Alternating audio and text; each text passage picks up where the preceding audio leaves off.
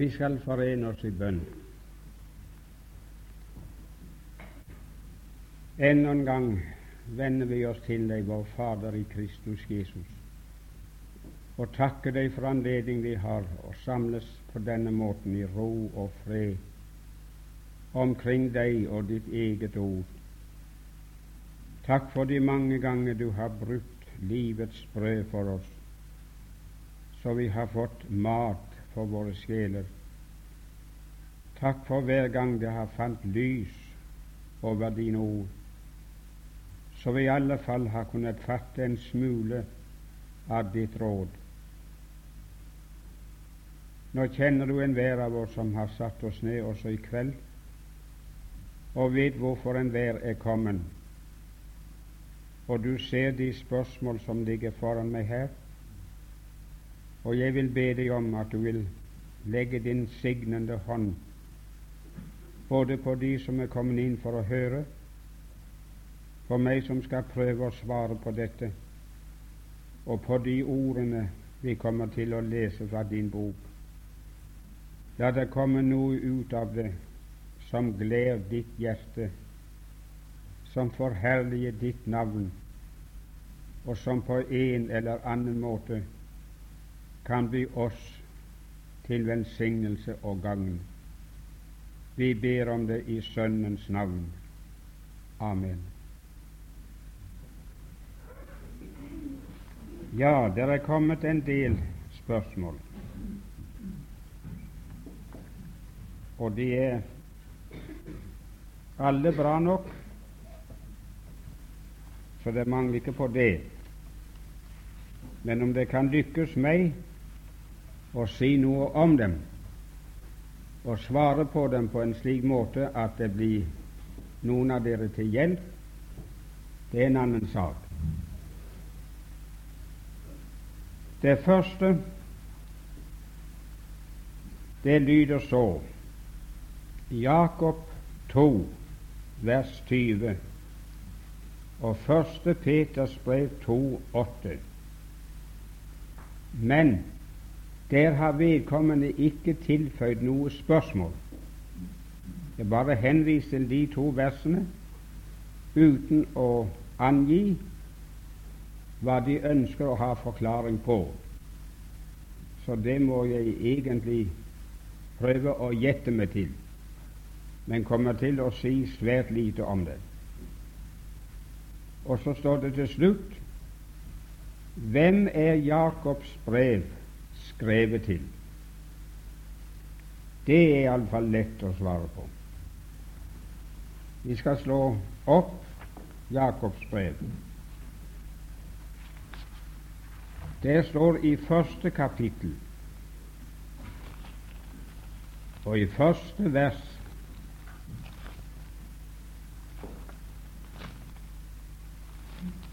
følgende Jakob, Guds og den Herre Jesu Kristi tjener, hilser de tolv stammer som er spredt omkring i landene.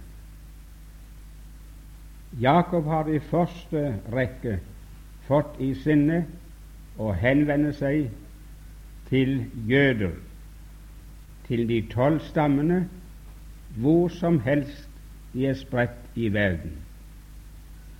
Så hans brev har et særskilt budskap til troende jøder hvor de enn befinner seg i verden.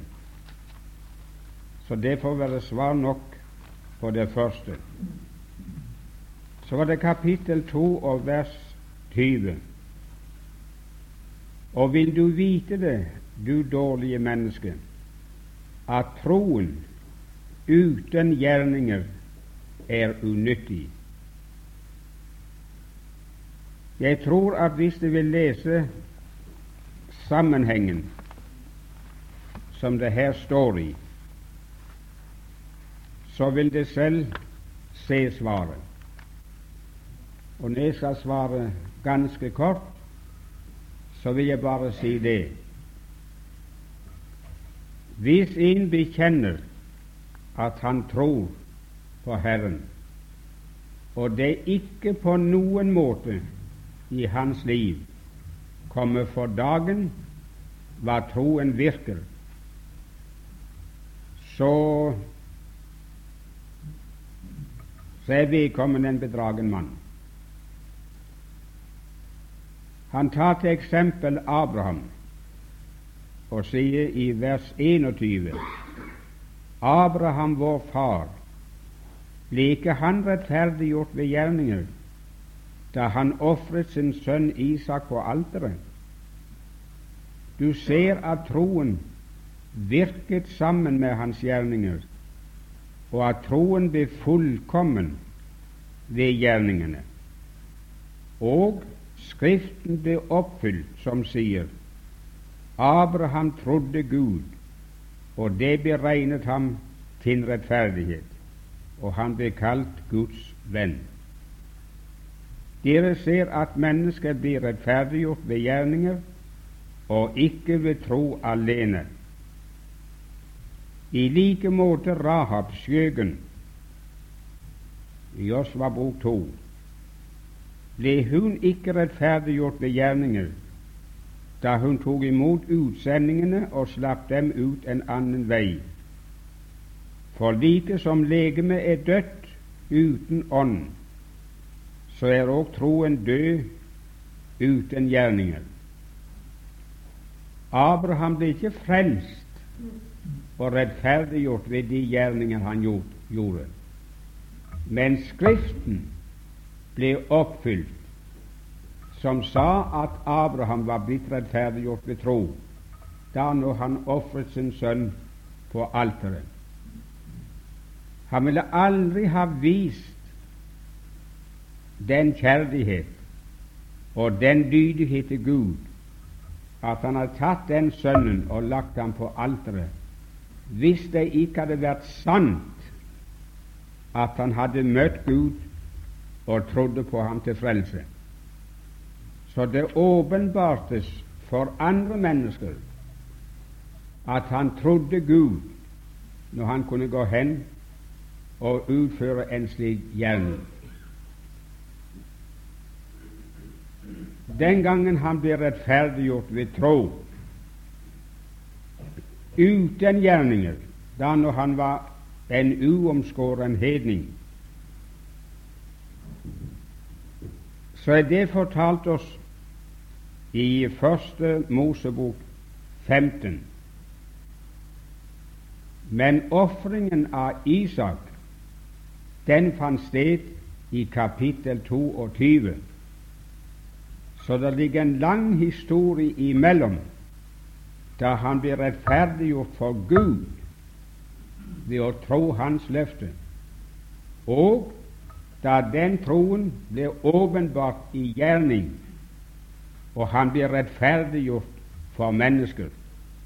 Det ble synlig og kjent at han trodde Gud og satte ham først i sitt liv. Det er sammenhengen. Men det er mer enn én slags gjerninger i et troende menneskes liv. Og en av de gjerningene må ethvert frelst menneske ha. Der er det jeg kunne kalle for positive gjerninger. Det som vi gjør i lydighet mot Gud, det vi gjør av godt og rettferdig i denne verden. Men for den slags er man ofte så fattig at de fleste, når de leser dette, de de spør seg selv er min tro død. Når det ikke er mer av den slags direkte positive gjerninger, kan jeg så ha en levende tro? Nå vel, min venn, det er den ene siden av saken. Men så er det gjerninger som et frelst, troende menneske ikke gjør, og ikke kan gjøre lenger bare fordi han er blitt en troende. Og det gamle, syndige liv som han levde i før sin omvendelse, de er det slutt med fra den dag man blir en kristen. Det blir en tom plass etter oss i verden. Vi kan ikke følge verden og leve det gamle liv slik som vi levde det før. Og de gjerningene, det jeg ikke gjør som jeg gjorde før, er like meget et bevis for at jeg tror på Kristus Jesus, at det er sant når jeg sier det, jeg er en kristen. Da jeg var blitt frelst, så bekjente jeg det samme dagen. Men ingen behøvde å tro at det var sant. Og det var ingen som kunne se inn i mitt hjerte det som var skjedd. De hadde bare mine ord for at det var slik. Og det var noen som jeg husker sa om meg Ja, jeg hører han skal ha blitt omvendt. De sa ikke omvendt den gangen, men de sa der nede på våre kanter, når noen var blitt en kristen Nå er han blitt skikkelig. Jeg syns det var godt. Så hørte jeg noen sa om meg Jeg hører det at han skal nå ha blitt skikkelig. Det ville være godt om det var sant ikke minst for mor hans. Hvor skulle det, hvor skulle det blitt av ham i verden og for henne om han hadde fortsatt som han hadde begynt? Men vi får håpe det beste. Men venner, fra det øyeblikk jeg hadde bekjent det, så la de merke til meg. Jeg gikk som ild i tørt gress i Egersund at nå var han Adolf blitt skikkelig. Men så ville de forvisse seg om om det var sant, og så ga de jakt på mitt liv. Og det, de første de så, og det første de snakket om, det var den plassen i verden som var blitt tom. Der jeg hadde levd mitt liv før og søkt min lyst og fornøyelse og spredelse før, det var jeg vekk var en tom plass. Og så begynte de å sagt det må visst være sant. Det er visst sant at han er blitt en kristen, for han er ikke med oss lenger. Før så behøvde ikke vi å komme og be ham om å være med oss, men det var han som førte an. Og nå, nå kan han ikke med oss mer. Og det livet vi fører, det er det slutt med for hans vedkommende. Men hvis det ikke er den slags gjerninger i et menneske som har bøtt kne og bekjenner at han er en kristen og er blitt rettferdig for Gud ved tro, så har jeg ingen tro på hans frelse. Det er umulig at et frelst, gjenfødt menneske med Guds ånd boende i seg kan leve et syndig, verslig, ugudelig liv slik som han levde det før. Det må være slutt. Så nå forsøker han iallfall, så langt han evner det, å leve livet for Gud. Mer sier jeg ikke om det første der.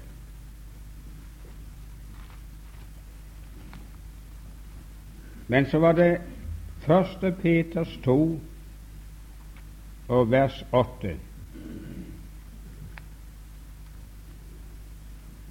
Disse som snubler ved sin vantro mot Ordet, dertil er de òg satt.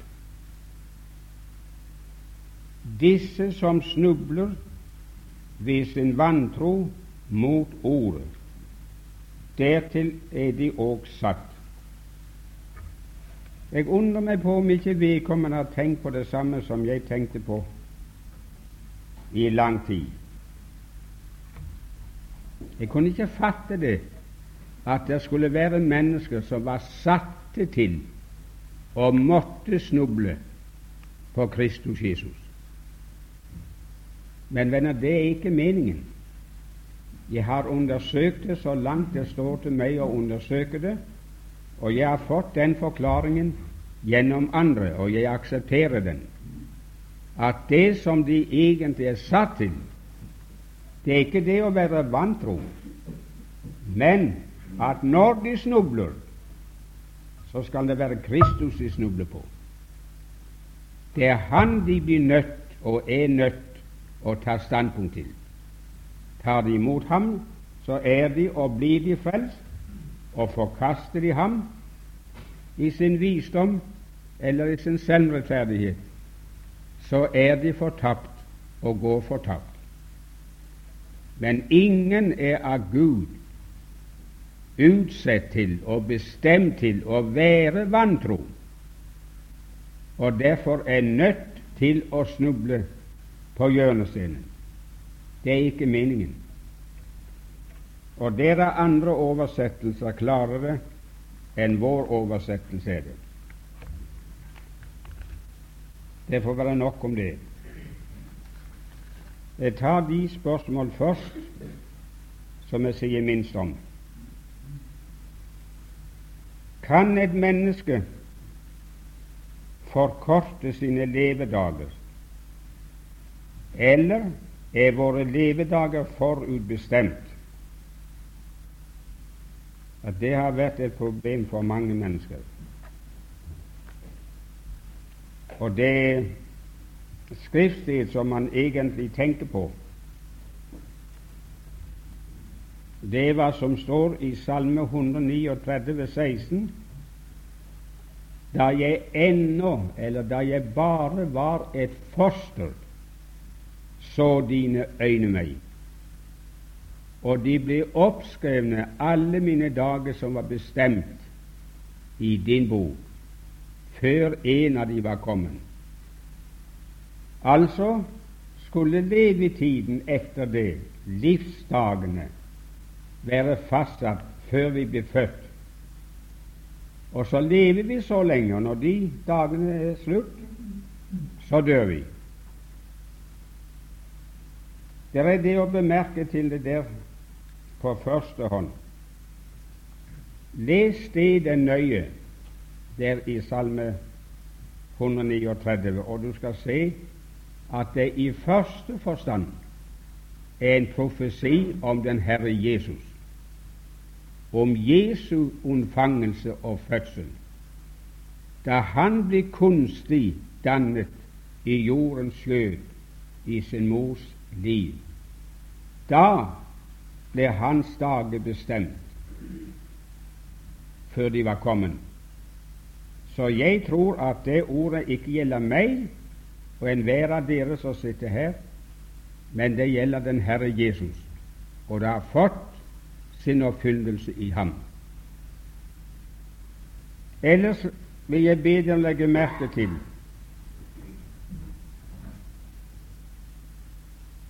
at i Skriften, når det gjelder Israel, så sa Gud så ofte, mer enn én en gang, at dersom du holder mine bud, dersom du gjør så og så og lever så og så, da skal du lenge få leve i landet.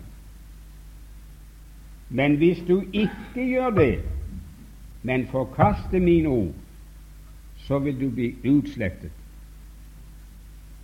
Dagene var altså ikke bestemt for dem i den forstand at så og så lenge måtte de leve, og da og da måtte de dø. Men det avhang av deres personlige forhold til Gud. Om de ved ulydighet forkastet ham, så måtte de dø, og deres liv, som var tiltenkt dem, det ble forkortet. Men hvis et menneske lever sitt liv i strid med Gud og Hans vilje, og ikke bruker den forstand som Gud har gitt ham, men handler lettsindig og i tankeløshet og i synd, så får han ta konsekvensen av det. Så da mener jeg for min personlige del at et menneske kan forkorte sine levedager. Han må ta følgende av det liv han har valgt å leve, og den første som han har valgt å tjene. Det er ikke djevelen imot å få rydde et ugudelig menneske ut av verden. Så kan han på noen som helst måte få, få gjort livet så broket og så uutholdelig at de tar sitt eget liv, så har han ingenting imot det. Det, det er så ømtålig spørsmål at jeg kanskje vil føye det til at om et menneske hører Herren til og har levd et bevisst liv med Gud, og i en eller annen fortvilelse ved et nervøst sammenbrudd av en eller annen årsak ender sitt liv, så tror jeg for min del at han blir frelst. Det står ikke noe enkelt skriftsted i Bibelen som jeg kan lese, som sier noe av delene, verken for eller imot. Men det er den slutning som uh, jeg finner det er riktig å trekke av alt det som er oss åpenbart. Venner, vi har ansvar for vårt liv så langt vi beholder vår forstand det som går utover det, det er vi uansvarlige for. Det som en slik mann eller kvinne sier i den tiden når uh, det har gått rundt, han ikke har kontroll over seg, det skal han slippe å stå til ansvar for. Men var han ikke frelst, før ulykken var ute, så er saken en annen. Derfor, godt folk, er vi på den sikre side og har meget å takke Gud for at vi har latt oss frelse mens vi hadde forstanden i behold. Vår hjerne kan bli syk, akkurat som en annen del av kroppen vår. Og har vi ikke sikret oss å få forholdet med Gud i stand, før vi blir syke, så får vi ta ansvaret. Mer vil ikke si om det. Kan ikke si mer om det. grunnen. Så kommer det et annet spørsmål, og det tangerer noe av det som jeg var inne på i en av bibeltimene.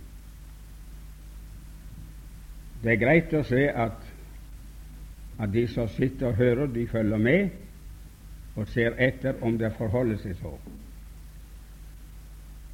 Men til tross for det som står her, som jeg skal lese, så holder jeg fast ved den forklaringen som jeg ga da. Vedkommende spør hvorledes skal vi forstå 1. Samuels bok 15, vers 29 og 35. Når anger betyr og forandre standpunkt til. Det var den forklaringen jeg sa, at uh, når det står at Judas angret, så betød ikke det, og betyr ikke det i Skriften, at han satte seg til å bebreide seg og trege på det, at han hadde gjort det. Men han forandret standpunkt til den Herre Jesus. Nå hadde han etterstrebt ham mens han levde. Men med en gang han så at Jesus var blitt dømt, og han ble ført bort, så var det ikke mer for Judas å gjøre i denne verden. Så gikk han bort og hengte seg for å gå til sitt eget sted og ta imot Kristus i dødsriket. Og der har iallfall ifølge apostelens gjerninger vært gjort forsøk på å beholde Kristus i døden. For det står uttrykkelig men døden kunne ikke holde ham. Om det var Judas selv eller noen annen av de onde maktene som forsøkte å beholde Kristus i dødsriket, det er ikke jeg klar over. Men det var gjort forsøk Men døden maktet ikke å beholde ham, så han sto opp. Så han forandret standpunkt fra å etterstrebe ham i denne verden, og så forsøkte han seg på ham i dødsriket. Nå skal vi se hva det står der i Samuelsboken. Første Samuels bok 15, 29 og 35. Og Israels trofaste Gud lyver ikke og angrer ikke, for han er ikke et menneske at han skulle angre. 35 vers. Og Samuel så ikke Saul mer helt til sin dødsdag, for Samuel sørget over Saul. Men Herren angret at han hadde gjort Saul til konge over Israel. Betød det, tror du, at Gud satte seg til å, å trege på det, bebreide seg for at han skulle ha gjort noe sånt? På ingen som helst måte, min venn. Men det betød akkurat hva jeg har sagt før. Gud forandret standpunkt til den mannen. Les sammenhengen helt ifra kapittel 10 og hertil, så vil du kanskje se det. Jeg skal nå lese bare fra vers 24. Da sa Saul til Samuel, Jeg har syndet, jeg har overtrådt Herrens bud og dine ord, for jeg var redd folket og ga etter for dem. Men forlat meg, ikke, forlat meg nå min synd, og vend tilbake med meg, for at jeg kan tilbede Herren. Samuel svarte Saul, Jeg vil ikke vende tilbake med deg, for du har forkastet Herrens ord og så har Herren forkastet deg, slik at du skal gå fortapt. Står det? Intet sted i Skriften. Så vær forsiktig, min venn, med å si det og slå det fast at Saul gikk fortapt. Men han sa så du ikke skal være konge over Israel. Du har forkastet Hans ord, og så har Han forkastet deg, så du ikke skal være konge over Israel. Dermed vendte Samuel seg og ville gå, men Saul grep fatt i kanten av hans kappe, så han ble revet av. Så den ble revet av. Da sa Samuel til ham, Herren har i dag revet kongedømmet over Israel ifra deg og gitt det til en annen som er bedre enn du. Og så kommer det og Israels trofaste Gud lyver ikke og angrer ikke, for han er ikke et menneske som han skulle angre. Så Saul, det står fast. Gud har sagt deg nå at fordi du forkastet ham, så forkaster han deg. Så det er slutt for ditt vedkommende å være konge over Israel mer. Det står fast, for Gud lyver ikke, og han angrer ikke det. Han forandrer ikke det. Forandrer ikke det standpunktet. Så kommer vers 35. Men Herren angret at han hadde gjort Saul til konge over Israel. I kapittel 10 der ble Saul salvet av Samuel til å være konge, og det var etter Guds egen befaling. Og i lang tid gikk det bra, inntil han forkastet Guds ord og vendte Gud ryggen i den forstand. Da forandret Gud standpunkt. inntok et annet standpunkt til ham enn han hadde inntatt i kapittel 10. Så nå besluttet han han skal ikke være konge lenger over Israel. Jeg har gått Bibelen nøye igjennom, ikke i dag, nei, nei, men i årevis. Men jeg har aldri kunnet finne et eneste sted som gir noen annen forklaring på at Gud angret, eller at Gud ikke angrer. Meningen er at han forandrer sitt standpunkt, eller unnlater å forandre sitt standpunkt. Og som jeg sa den timen, når jeg var inne på det der Hvis et menneske ikke forandrer sitt standpunkt til synd, så har han ikke angret i Bibels mening. Han kan sitte f.eks. i et fengsel og gråte i årevis, i 10-20 år, og bebreide seg for at han skulle ha gjort den og den udåd som førte ham på straff. Men hvis han ikke har forandret standpunkt til sin synd og til Gud, så har han ikke angret i Bibels mening. Han har bare krega på på grunn av følgende, ikke noe annet. Så får det også være nok.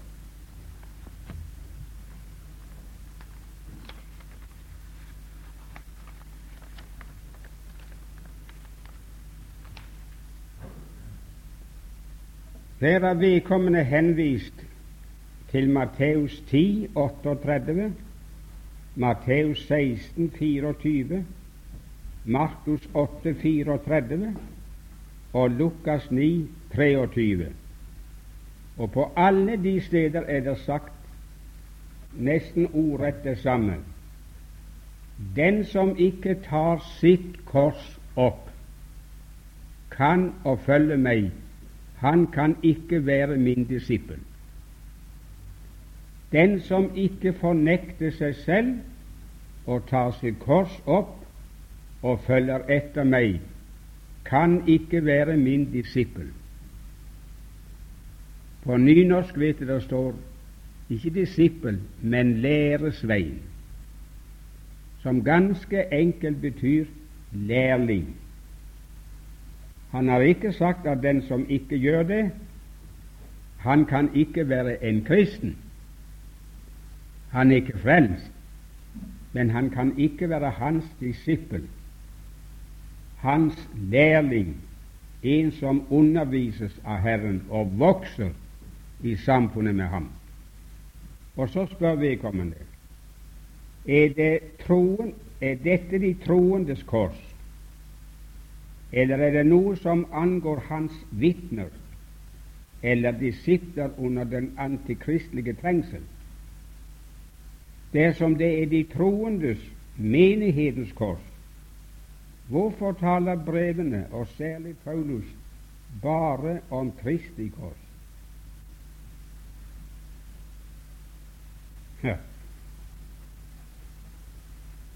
Jeg skal gå rett på sak.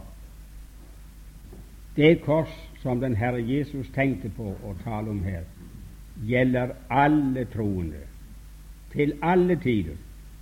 Det er ingen forskjell til mitt skjønn. Men det er bare et spørsmål om hva det menes med kors, og det å ta korset opp.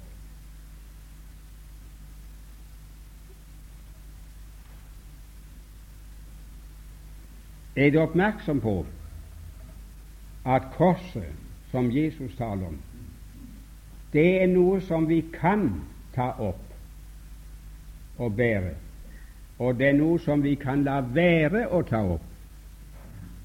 Det står til vårt eget valg om jeg vil ta det opp og bære det, eller jeg vil det skal ligge, og så unngå besværet.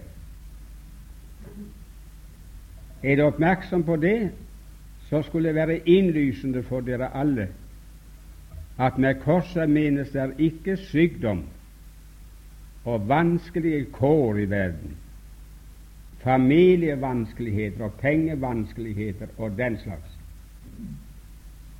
Jeg kjenner et par forhold hvor uh, mann og kone ikke levde godt sammen. Kona hun var nærmest et troll av et menneske, og det fikk han sannelig føle noe av. Men han var troende, og så beklagte han seg for noen andre troende sånn. Og du og du, det var et svært kors jeg fikk å bære på i livet. Men er så dumme og så uvitende om Guds ord kan troende mennesker være. Men hvis, hvis korset, hvis Jesus mener sykdom og vans, familiære vanskeligheter og andre timelige ting som støter til oss i livet, kan vi bestemme over det? Kan vi ta det hvis vi vil, og kan vi la det ligge hvis vi vil? På ingen måte. Vi er nødt til å ta det som kommer. Det var en ung mann som uh, ble glad i ei jente. Jeg kjente ham meget godt. Og så var det for ham som for de fleste andre, så meget om å gjøre å, å velge rett og vite om det var den han skulle ha eller ei. For hvis det ikke var den, så kunne han ikke regne med å bli lykkelig. Men så kom han til det standpunktet til slutt. Vel, nå får det være akkurat det samme. Blir jeg lykkelig, så har jeg meget å takke Gud for. Og skal jeg bli ulykkelig i samlivet med henne, så får det også komme. Så blir det bare en prøve som settes på mitt liv, og Gud må ha en hensikt med det. Og så har det båret han igjennom, gjennom mange vanskeligheter. For jeg kjenner svært godt til det. Det har ikke alltid vært lett for ham.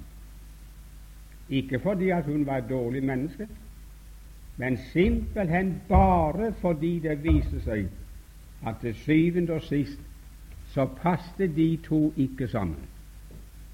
De kunne ikke ro én båt sammen. Det var som når to skal spille på et par instrumenter som ikke er stemt for hverandre. Begge gitarene, eller gitarene og fiolinen, kan være førsteklasses. Det er ingenting i veien med noen av delene. Og de som spiller, kan spille. Men det er bare den ene tingen ved det at de to de er ikke stemt for hverandre. Det passer ikke sammen. For noen venner så passer det så utmerket en stund, men så kommer de falske strengene mer og mer frem, og så ror de ikke inn bort lenger. Men et, et slikt familiært forhold har ingenting med det kors å gjøre som Jesus snakker om her. Enkelt sagt og kort sagt vil jeg si det så korset som vi kan ta opp, bør ta opp, eller som vi kan la være å ta. Det står til oss, det. Det er alt det i livet, alt det av ubehag, forfølgelse og motgang som møter oss, merk fordi vi er en kristen, og vi praktiserer å være en kristen. Vi lar det være en offentlig sak, og ikke bare det, men så er vi tro imot det lys og den overbevisning Kristus gir oss. Vi følger Ham som er mester, og så får andre si om oss akkurat hva de vil. Vedkommende sa noe på slutten der som jeg tror jeg vil på en fin måte korrigere. Dersom det er de troendes, menighetens kors, hvorfor taler brevene, og særlig Paulus, bare om Kristi kors? Da gjør det det? Er du sikker på at du gjør det? Venner, jeg finner ikke noen som har talt mer sterkt og mer klart om det enn nettopp apostlene i sine brever. Det er bare når du misforstår hva korset er, at du kan tenke deg en slik tanke at det er bare Kristi kors det er omtalt. Jeg vil eh, bl.a. minner dere om 2. Timotus 3,12, og det er Paulus som har skrevet det. 2. Timotus 3,12.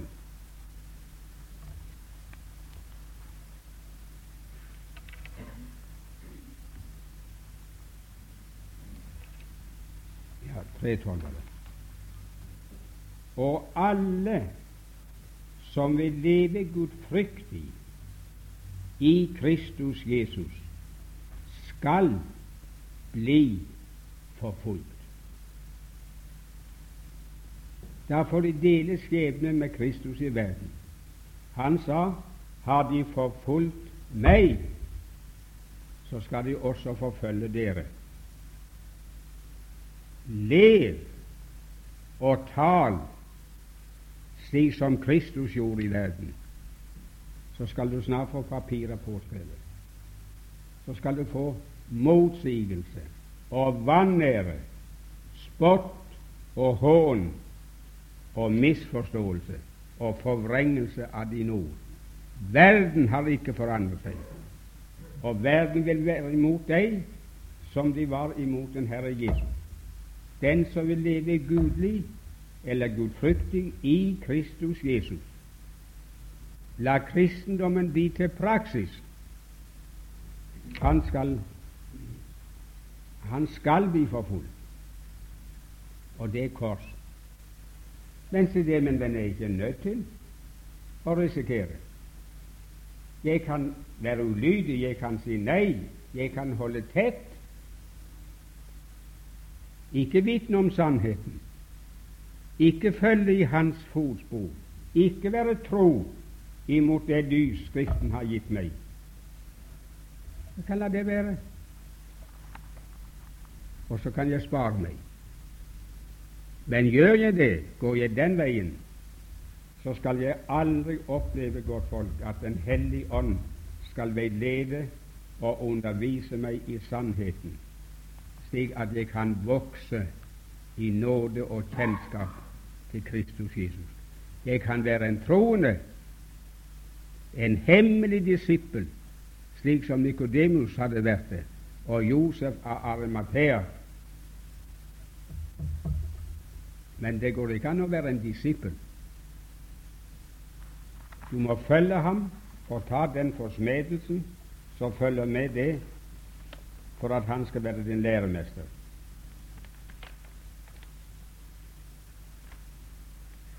Så her er et spørsmål hvor det står. Gis det noen anledning for noen mennesker å bli frelst etter bortrykkelsen, og i tilfelle hvilke folk?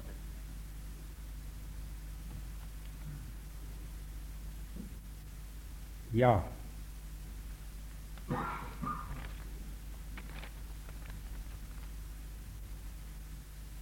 jeg må ganske kort bare si hva min tro og overbevisning er.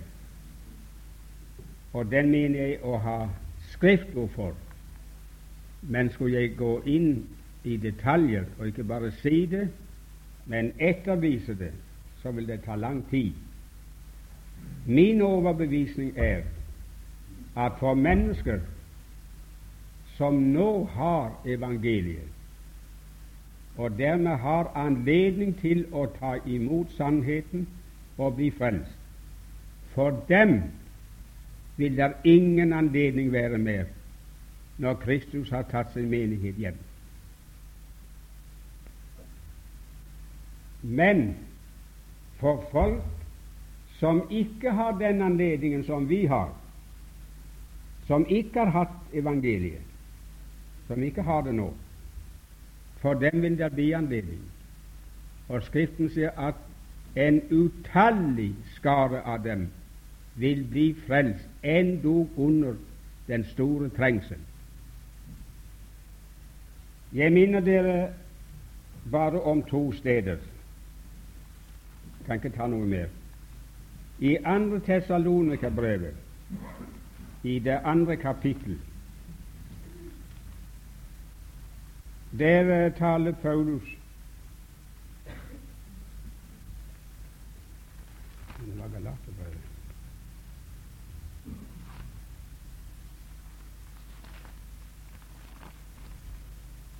Andre Tessalonika-brevet 2.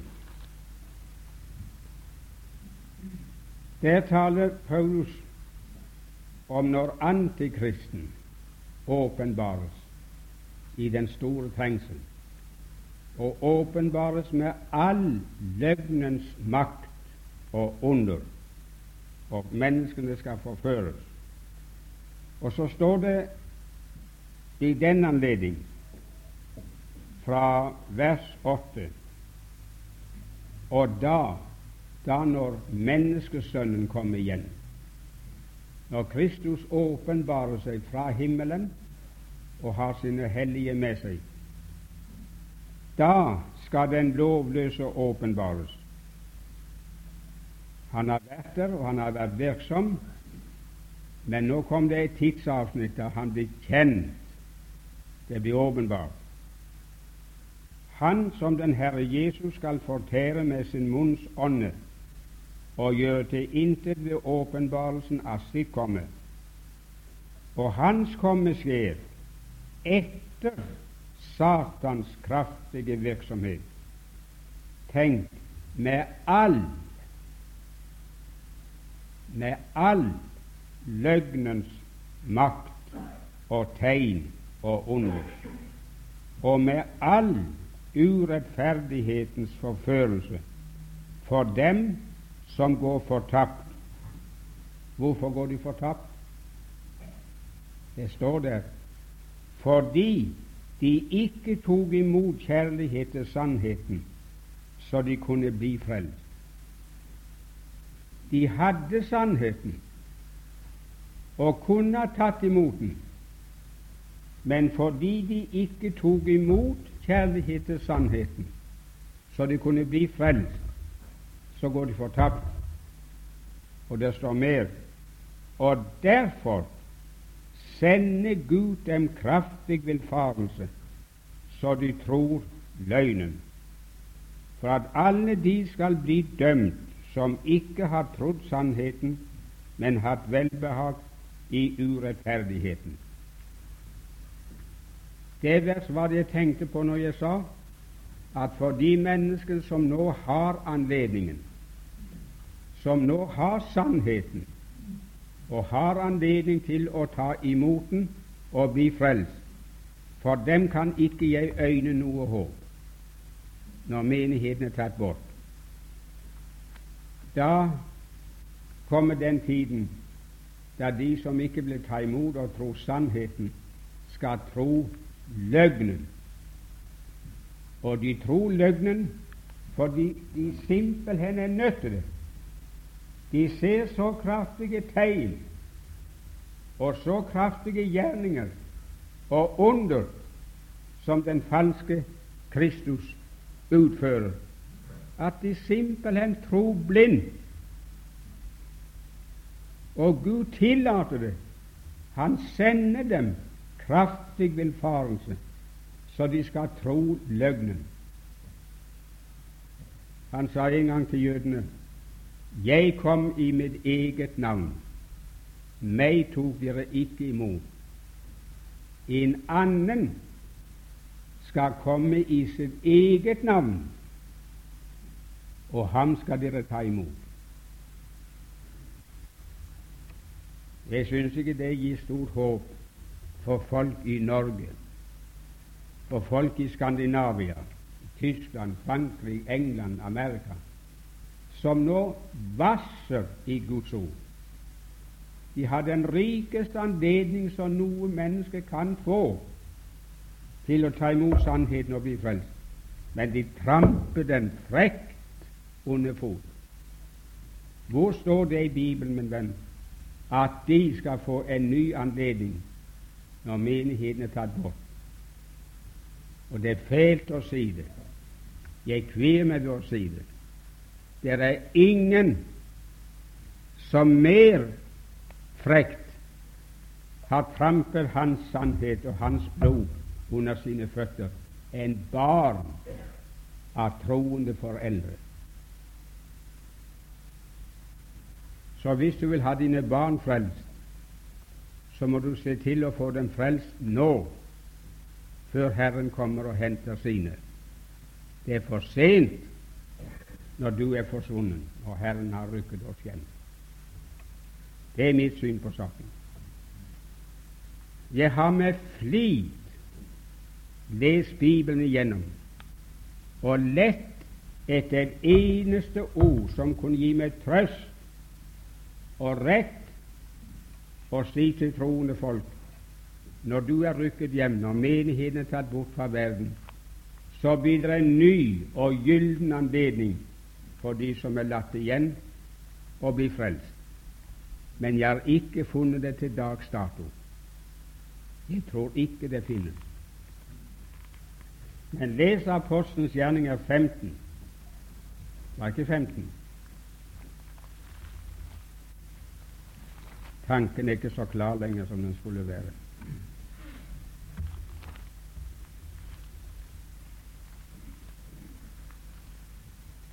Apostlenes gjerninger rot i Korintiabrevet. Enten det 13 eller det er 15. Ja, det er 15. Jeg tror det er 15. Så skal du se at etter at han har tatt ut et folk av hedninger for sitt navn. Ikke alle hedningene, men et folk av hedningene for sitt navn. Så skal han deretter vende tilbake Ja takk, det var det rette. Og igjen bygge opp Davids falne hytte. Og det nedbrutte av den vil jeg atter oppbygge, og jeg vil igjen oppreise den, for at for at alle andre mennesker skal søke Herren, ja, alle hedningefolkene som mitt navn er blitt nevnt over, sier Herren som gjør dette. Bare det ene ordet er avgjørende for at det vil bli folk som frelses av hedninger etter at menigheten er tatt bort. Men som jeg sa i sted, jeg tror at det gjelder folkeslagene som nå ikke har evangeliet, og ikke har hatt det. Og i eh, Åpenbaringen uh, 7 vet dere det står det var spørsmål om hvem den uh, store, hvite skaren var som sto for Gud og lammet i lange, hvite kjorter. Så ble det sagt det er disse som kommer ut, det som er kommet, men som kommer ut av den store trengsel. Og det sies om dem at det er folk av alle etter- og tunger og folkeslag. Så det må altså være mulighet til frelse i den tiden. Det gjelder bare ikke oss og vårt folk så forkaster du ham i dag, så har du ingen anledning å vente på siden.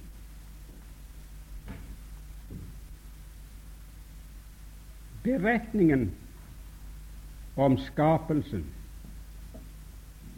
de syv dager er det en vanlig uke, eller strekker det seg over en lengre tidsperiode?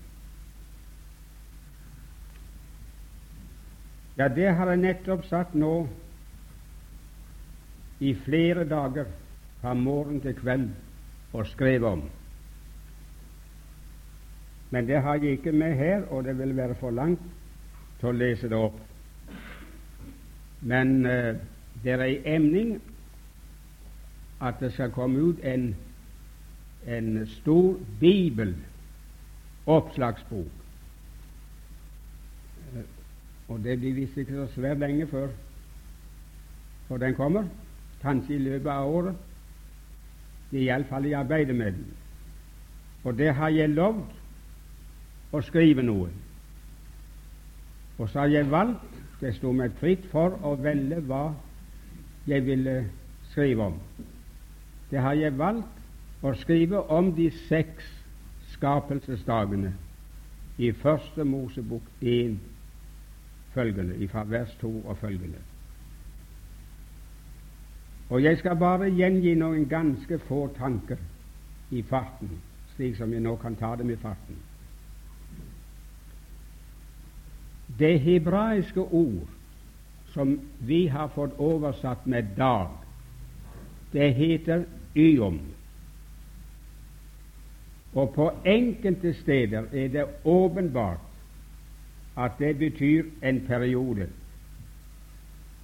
mens på andre steder er det like klart, kanskje enda klarere, at det betyr en bokstavelig dag, et vanlig, naturlig døgn på 24 timer. Og hvis vi skal finne ut hvilken mening det har, så må vi slå etter samtlige steder og se det av sammenhengen, hva dere tenker på. Kanskje jeg skulle føye til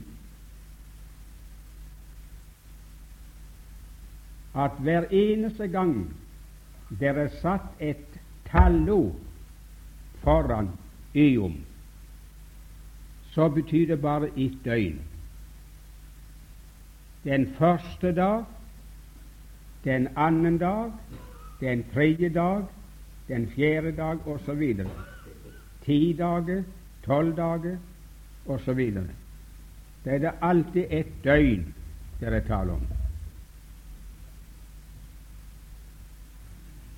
I Andre Mosebok 16 og vers 4 Det er best å ha et direkte ord å støtte seg til. Andre Mosebok 16 og vers 4.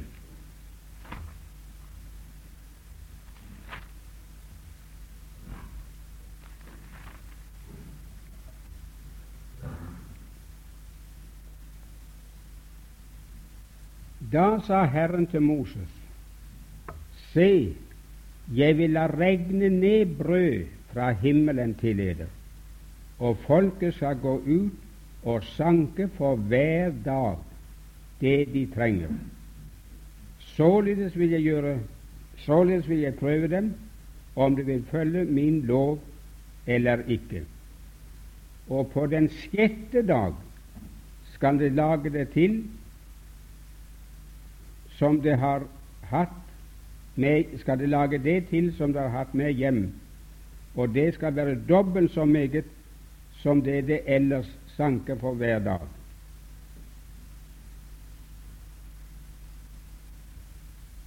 Der er det umulig, venner, å tillegge ordet noen annen betydning enn et døgn på 24 timer.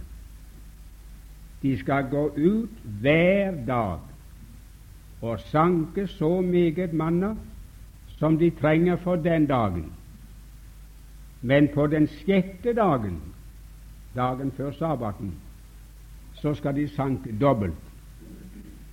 Det hører intet sted hjemme. Det er ikke fornuftig tale å snakke om at det gjelder en lang tids, geologisk tidsperiode på noen millioner år. Det finnes ikke mening i det. Du kan bare prøve å føre deg gjennom at i hver dag, altså i hver lang tidsperiode, på opptil ti millioner år, sier de lærde, skal det gå ut og sanke manna.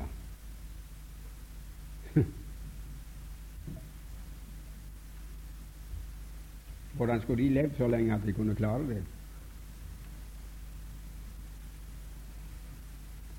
Og dernest Det vet vi nevnte om påskelammet her fra 2. Mosebok 12, at på den tiende dag i denne måneden så skal det ta ut et lam for hvert hus, og så ha det i forvaring inntil den fjortende dag. I alle tilfeller er det samme hebraiske ord som er brukt. Og så et sted som jeg synes er helt avgjørende.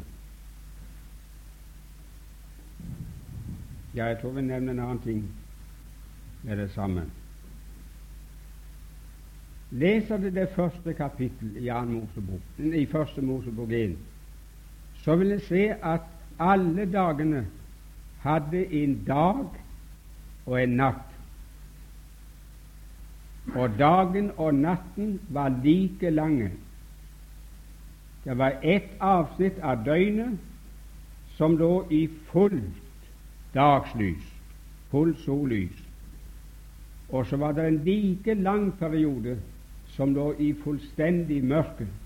Det var natt. Hvis nå det var å forstå som en lang geologisk tidsperiode De lærde er uenige om lengden av perioden. Noen og det er svært mange, setter det til 500 000 år. Men andre de anslår det til 10 millioner år. Så det er langt sprang. Så de lærde de er ikke enige. Men hvis det nå var så, om vi tar det nå i den minste målestokk 500 000 år hvordan ville det stemme med alt det som vi ellers vet om alt organisk liv? Selv de lærde forteller oss at hvis solen på himmelen slukner, så ville alt organisk liv på jorden være utslettet og dødt i løpet av tre døgn. Temperaturen ville synke til 300 grader minus, og intet levende liv kunne holdes i live der. Sett nå at på den tredje dagen så begynte jo jorden å sette trær og frukt, og så blir det levende dyr osv. Sett nå at vi deler en slik tidsperiode for 500 000 år. Det blir 250 000 på én dag i bare lys.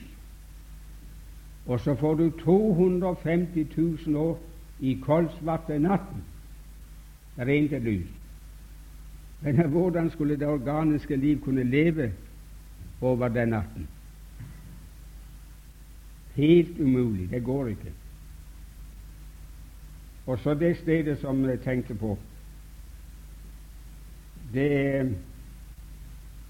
det er i andre Timotius Nei, annen Mosebok 20.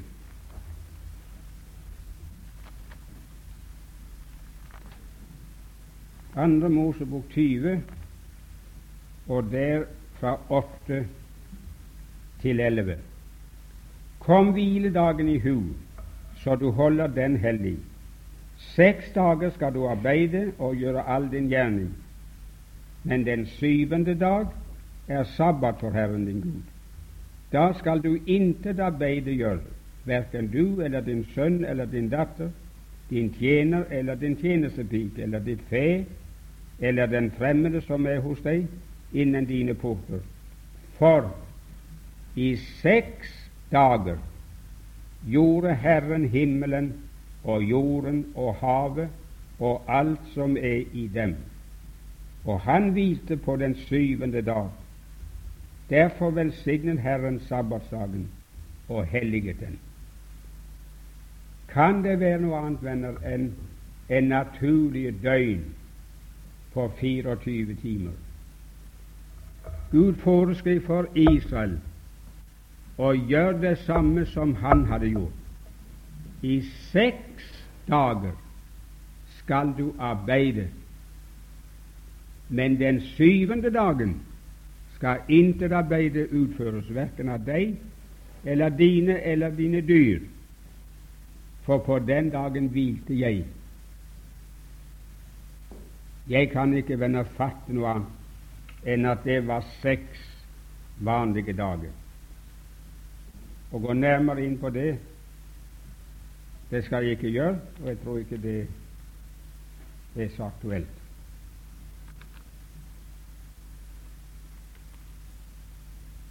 Så er det et par til. Først Johannes brev 3,6 og vers 9. Hva mener Johannes når han sier 'Hver den som synder, har ikke sett ham og ikke kjent ham'?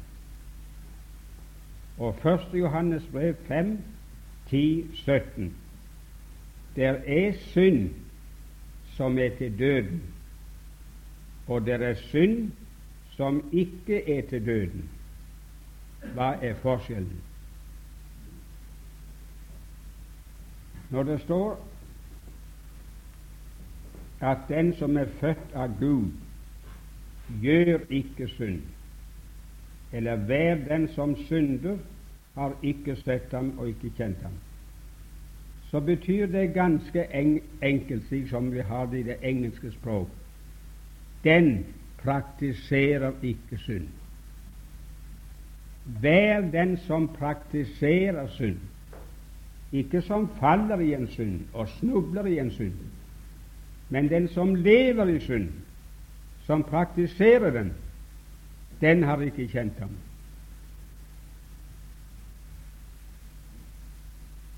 Og Guds ånd er ikke i ham. Og når det gjelder det andre spørsmålet Det er synd til døden, og det er synd som ikke er til døden. Hvis det ser noen som synder, gjør en synd som ikke er til døden, så skal det be for ham, og Herren, han skal gi ham liv. La ham leve, han skal ikke dø. Det er synd til døden, så det er ikke den jeg snakker om, skriver han. For da nytter det ikke å si hvor i den de syndene består. Det er vel vanskelig.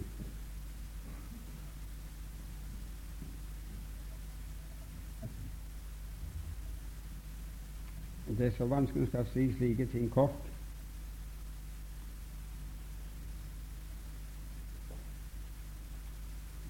Det ordet kan ikke og bør ikke tas åndelig. For eksempel det er synd til døden. Så går det ikke an å anvende det åndelig og si det er synd til åndelig død. Og det er synd som ikke er til åndelig død. For da blir det ikke mening i sammenhengen. Hvis dere ser en broder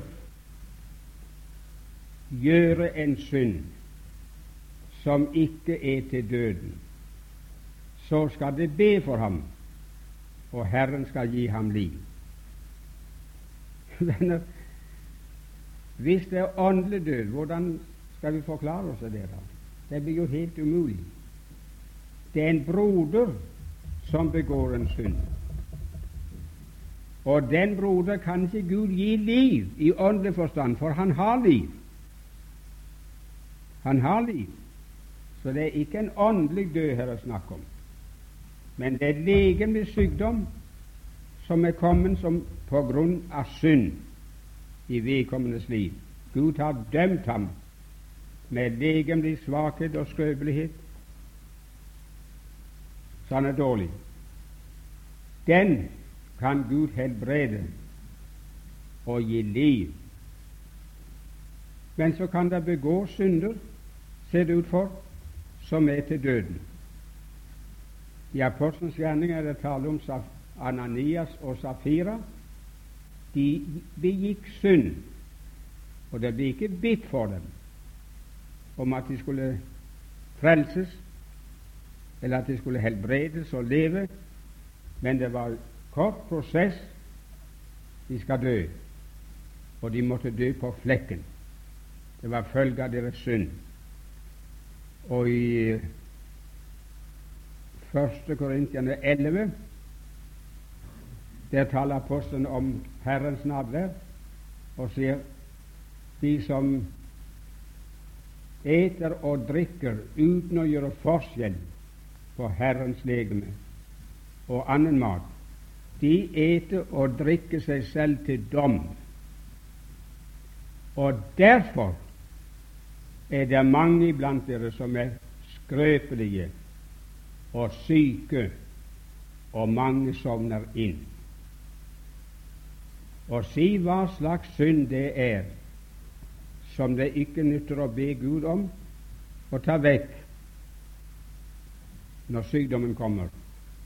Det kan ikke jeg påta meg å avgjøre i ethvert tilfelle.